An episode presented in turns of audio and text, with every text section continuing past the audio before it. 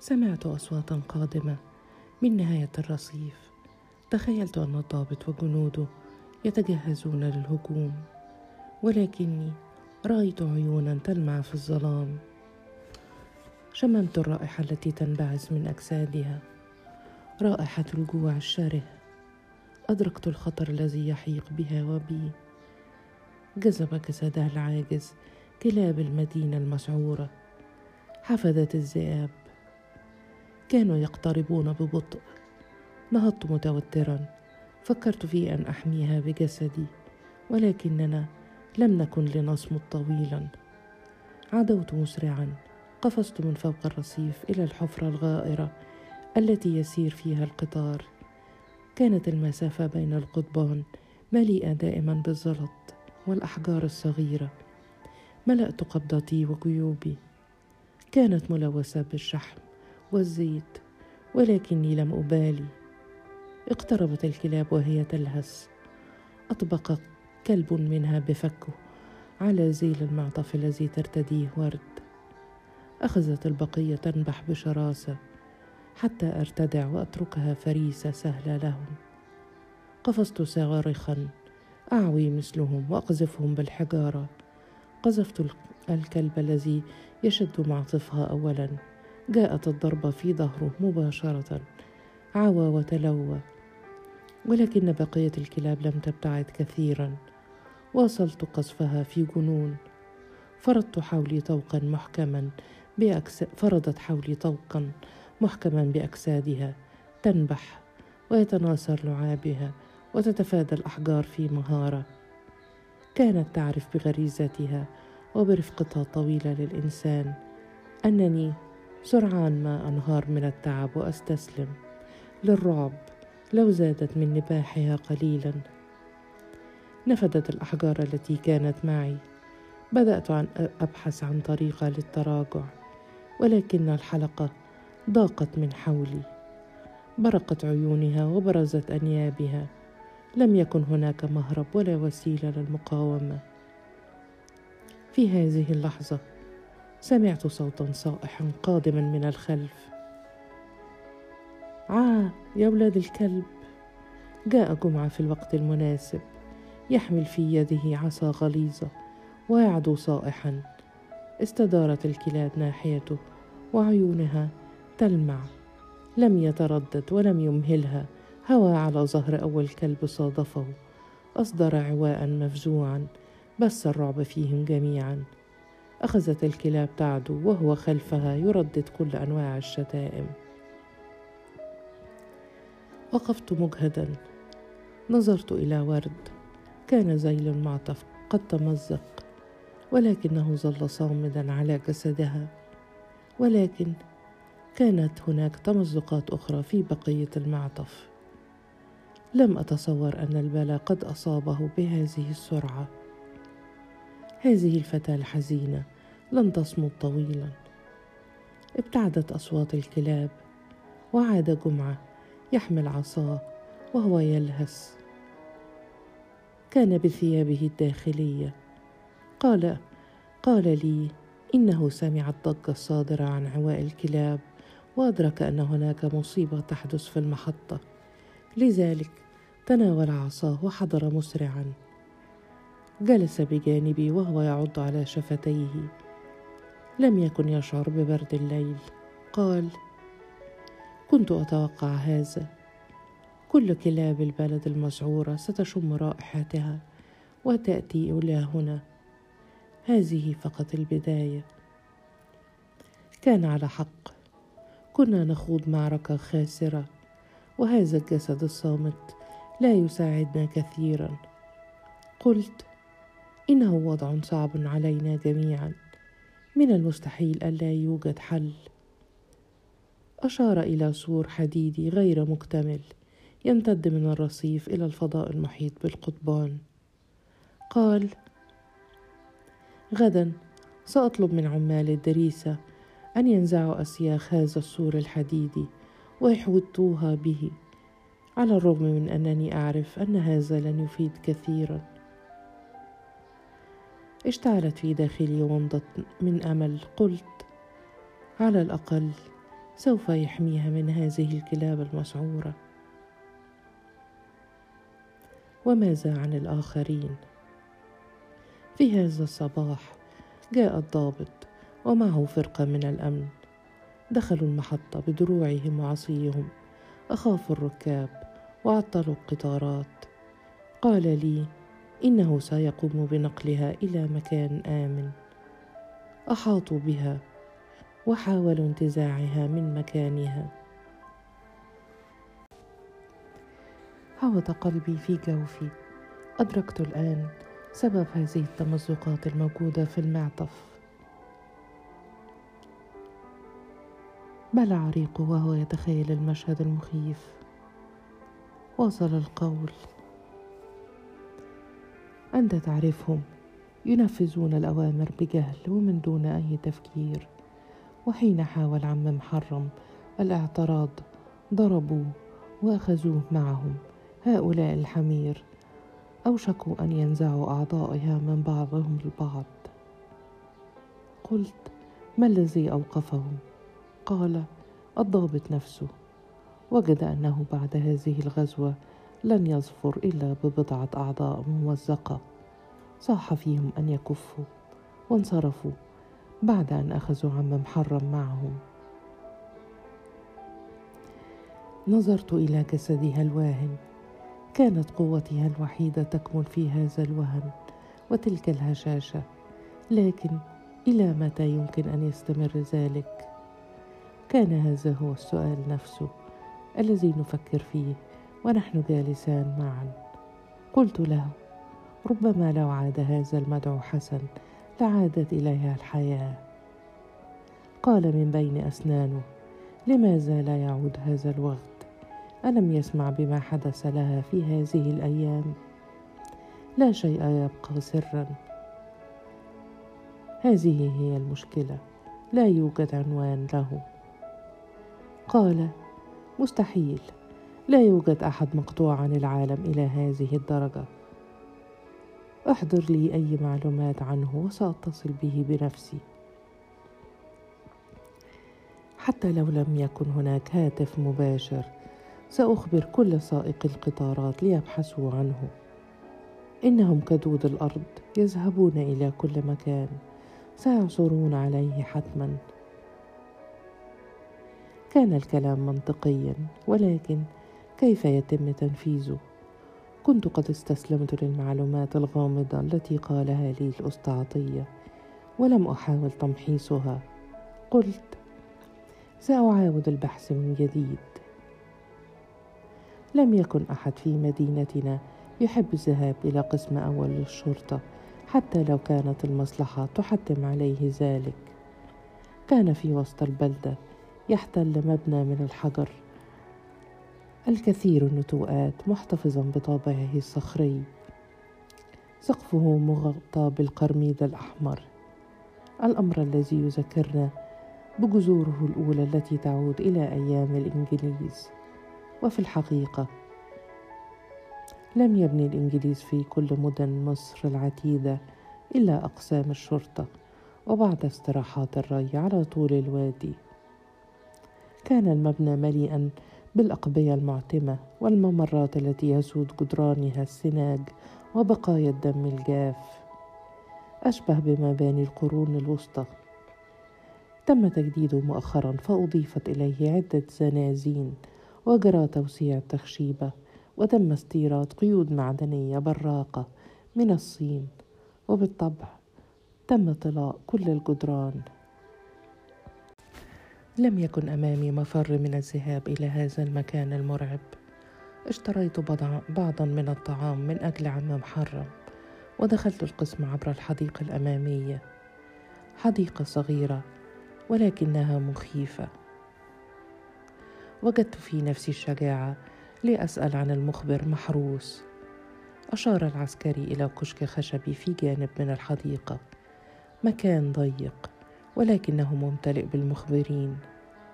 لم أتصور أنهم كثيرون ومتشابهون إلى هذا الحد يرتدون جميعا معاطف حائلة اللون وفي أقدامهم أحذية نعالها من البلاستيك الناعم لا تصدر صوتا حين تحتك بالأرض. وبجانب كل واحد منهم عصا غليظة من الخيرزان علامة على سلطتهم. كانت حالتهم أفضل من العساكر العزل الذين يقفون منتصبين وفي أيديهم بنادق خالية من الطلقات. يتحدثون ويشربون الشاي ويدخنون السجائر ويضحكون ويتجشؤون في غلظة. ولم يكن محروس بينهم. سألت عليه. قال واحد منهم بصوت غليظ. أي خدمة؟ وعندما أدركوا تصميمي على مقابلته هو بالذات فقدوا اهتمامهم بي. ظللت واقفا بالقرب من باب الكشك. لم أجرؤ على الجلوس معهم في مكان نفسه. كنت فقط أتمنى ألا يمر الضابط في هذه اللحظة ويراني. بالتأكيد لم يكن سيتركني في حالي. لن ينسى أنني عرفت بعضا من أسراره. ولكن من حسن حظي أن محروس هو الذي جاء أولا. كان يمسك غلاما بائسا. دامي الوجه ويدفعه أمامه ولا يكف عن ضربه بالعصا التي في يده. يمارس أفعاله الطبيعية. لم أحاول أن أعترض طريقه وهو يمر أمامي. كان في طريقه إلى التخشيبة بلا شك. ظللت واقفا في انتظار أن ينتهي من مهمته. وبالفعل عاد بعد فترة من الزمن. لم أرد. أن يدور الحديث بيننا في الكشك وسط الأعين المتلصصة والآذان المرهفة. اقتربت منه سريعا وأنا أمد يدي بلفة الطعام قائلا أحضرت هذا الطعام من أجل عم محرم والد ورد. لم يمد يده. نظر إلي في تشكك وهو يقول أنت طالب الطبية أليس كذلك؟ أومأت برأسي وظللت مادا يدي بالطعام وقلت إنه رجل عجوز لا بد أنه ميت من الجوع. ابتعد قليلا وتلفت حوله. لدهشتي بدا خائفا وقال لا أستطيع تهمته خطيرة. لقد شتم به الضابط وبصق في وجهه وهي جريمة لا تغتفر. لا أستبعد أن يتهمه بشيء أكبر. لم يعف على الراجل أكثر من أنه حاول التصدي لمنعهم من اختطاف ابنته. اصفر وجه محروس ابتعد أكثر حتى خشيت أن يتركني. قال لا تتحدث هكذا. أنت أصغر من أن تقول هذا الكلام. اللسان قتال أدخلت يدي في جيبي. بحثت حتى وجدت فيه آخر ورقة مالية. قدمتها وأنا أقول له راجيا لا أملك غيرها خذ إلي الطعام. تنهد كأنه مغلوب على أمره. أخذ الطعام وأخذ النقود ولكنه لم يتحرك من مكانه. ظل يحدق فيه قليلا مستغلا فراسته وقال في بطء هل هذا كل ما في الأمر؟ تعطيها معطفك وتحضر له الطعام. وأنت لا تمت إليها بصله قلت من فوري في الحقيقة جئت من أجل حسن البشمهندس حسن. نظر إلي مستغربا وقال لا أعتقد أنك تعرفه لم أرك معه من قبل. كان اذكى بكثير مما تصورت حتى خيل إلي أنه يعرف أنني أكرهه. قلت أريد أن أفعل شيئا من أجل فتاته.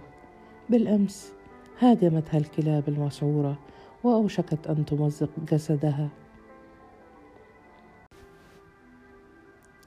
لم آتي على ذكر ما فعله الضابط قبلها ولم يكن يختلف كثيرا عن فعل الكلاب. لم يتأثر عاد يردد في عناد. لا أعتقد أنك تعرف حسن. لا أعرفه حقا ولكني في حاجة إلى أن أعرف مكانه أو أجد وسيلة للاتصال به. أريد أن أخبره بما حدث لها. لعله يعود ولو يوما واحدا. وجوده سيعيد الروح إلى هذه الفتاة. تعالت من داخل القسم صرخة هائلة. هل كانت صرخة الغلام الذي أدخله منذ قليل؟ قال بعد كل الذي حدث هل تعتقد أنها ستعود إلى الحياة؟ ورد ماتت بالفعل. هذه الوقفة المتصلبة هي تخشيبة الموت. أنا أعرف ذلك بحكم خبرتي. أكثر من الأطباء الشرعيين. بدا من لهجته أنه حانق عليها هكذا. هل كان يشعر بالغيرة من حب حسن لها؟ قلت ربما تكون على حق ولكنه أمل ضئيل. فقط أريد رقم هاتفه على الأقل. قال في غلظة لا أستطيع أن أعطيك أي شيء قبل أن أستأذنه. دب في قلبي قليل من الأمل. أخيرا توصلت إلى أحد الخيوط المؤدية إلى حسن. ضممت يدي وهتفت به متوسلا. على الأقل اتصل به أنت. أخبره فقط بما حدث واتركه يتصرف كما يريد. توقف قليلا. ضرب بالخيرزانه طرف مع طفو. قال بصوت ضعيف أنت تحاول أن تجعل الأمر يبدو مهما. وحتى لو كان مهما فلا أعرف عنوانه ولا رقم هاتفه. ربما أخبرني بذلك ولكني لم أعد أتذكره. كان هو أيضا يحاول أن يدفع عن نفسه مظنة أن حسن لم يكن يثق به. قلت ببعض من الشماتة هذا غريب. الإجابة نفسها تلقيتها من الأسطى حسن من الأسطى عطية. هتف وقد شعر بالإهانة. لا عطية ولا عزوز المهرج يعرفان شيئا لا أعرفه. أنا كنت أقرب الأقرب إليه دائما. حميته من الضرب والإهانة والاعتقال. أنت لا تعرف معنى أن تكون ابنا لعامل مشاغب حاول أن يحرض زملائه على حرق المصنع. لم أمنحه الحماية في هذه المدينة اللعينة فقط ولكن في الجامعة أيضا. أخذت بكلماته ولم أدري كيف. إن كان يكذب أو يقول الصدق سألته كيف؟ قال في همس كأنه يفضي لي سرا خطيرا. أنت لا تعرف ولكنه ورث بذرة الشغب من أبيه. كانت صداقتي له قائمة على أن أحميه من حماقاته. كان هناك مخبر زميل أكثر من زميل أخ يعمل متخفيا في كلية الهندسة. المكان الذي يعمل به حسن. بالطبع حسن لا يعرفه. ولم أكن أجازف بكشفه أمامه ولكنه بالتأكيد يعرف كل شيء عنه. هذه مهمته. اسمه حمود الضبع. لقد حماه هناك. كل هذه المدة كما حميته أنا هنا. كنت أفكر بشكل مختلف. قلت وقد انتعش الأمل في نفسي ثانية. فلنتصل إذا بهذا المخبر. أقصد الأخ. ونأخذ منه كل التفاصيل. قال ومن قال أنني أعرف رقم هاتفه؟ ومن المؤكد أن الهاتف الذي يملكه يخص الشغل. ليس أكثر من أنه كان زميلي في الخدمة. لماذا كل هذا الموضوع؟ الأمر لا يستحق هذا العناء. وقبل أن أقول كلمه زائده ادار ظهره لي وأخذ الطعام معه. ولم أكن أدري إن كان سيوصله إلى عم محرم أو سيلتهمه هو وجماعته. الأصحاب الأوغاد الذين لا يثق بهم أحد. هل يحمل عزوز المهرج شيئا لي؟ الأمل البائس الأخير. لكن العثور عليه لم يكن بالسهولة التي تصورتها. عندما بدأت بالسؤال عنه اكتشفت أنه كان يوجد في كل مكان في المدينة ولكن لا مأوى محدد له. يظهر من حيث لا يعلم أحد ويختفي في لا مكان. فرغت نفسي وهبطت إلى قلب المدينة للبحث عنه في المقاهي المعبأة بدخان المعسل. وقاعات عمال النسيج اليدوي في البدرومات المعتمة حيث تنكفئ البنات على ماكينات معقدة يطرزن المفارش وملاءات الأسرة الفخمة وينمن على الحصر كل ليلة. ذهبت إلى أطراف المدينة حيث يقيم الغجر في أخصاص من الغاب ويتجمع البائع السريحة يوقدون مشاعل في داخل علب من الصفيح. تشع ضوءا شحيحا ويدخنون الحشيش صافيا. ذهبت إلى نقرة صبحة حيث تعمل بنات الهوى في بيوت واطئة خالية من الأكسجين ولها رائحة لها رائحة عفنة ولم أعثر عليه. لماذا يبدو كل شيء بهذه الصعوبة؟ هل أستسلم وأتركها لمصيرها؟ تتحلل وتزوي وتموت أو أن الأمر لا يستحق أن أبذل المزيد من المجهود يا عزوز أين أنت؟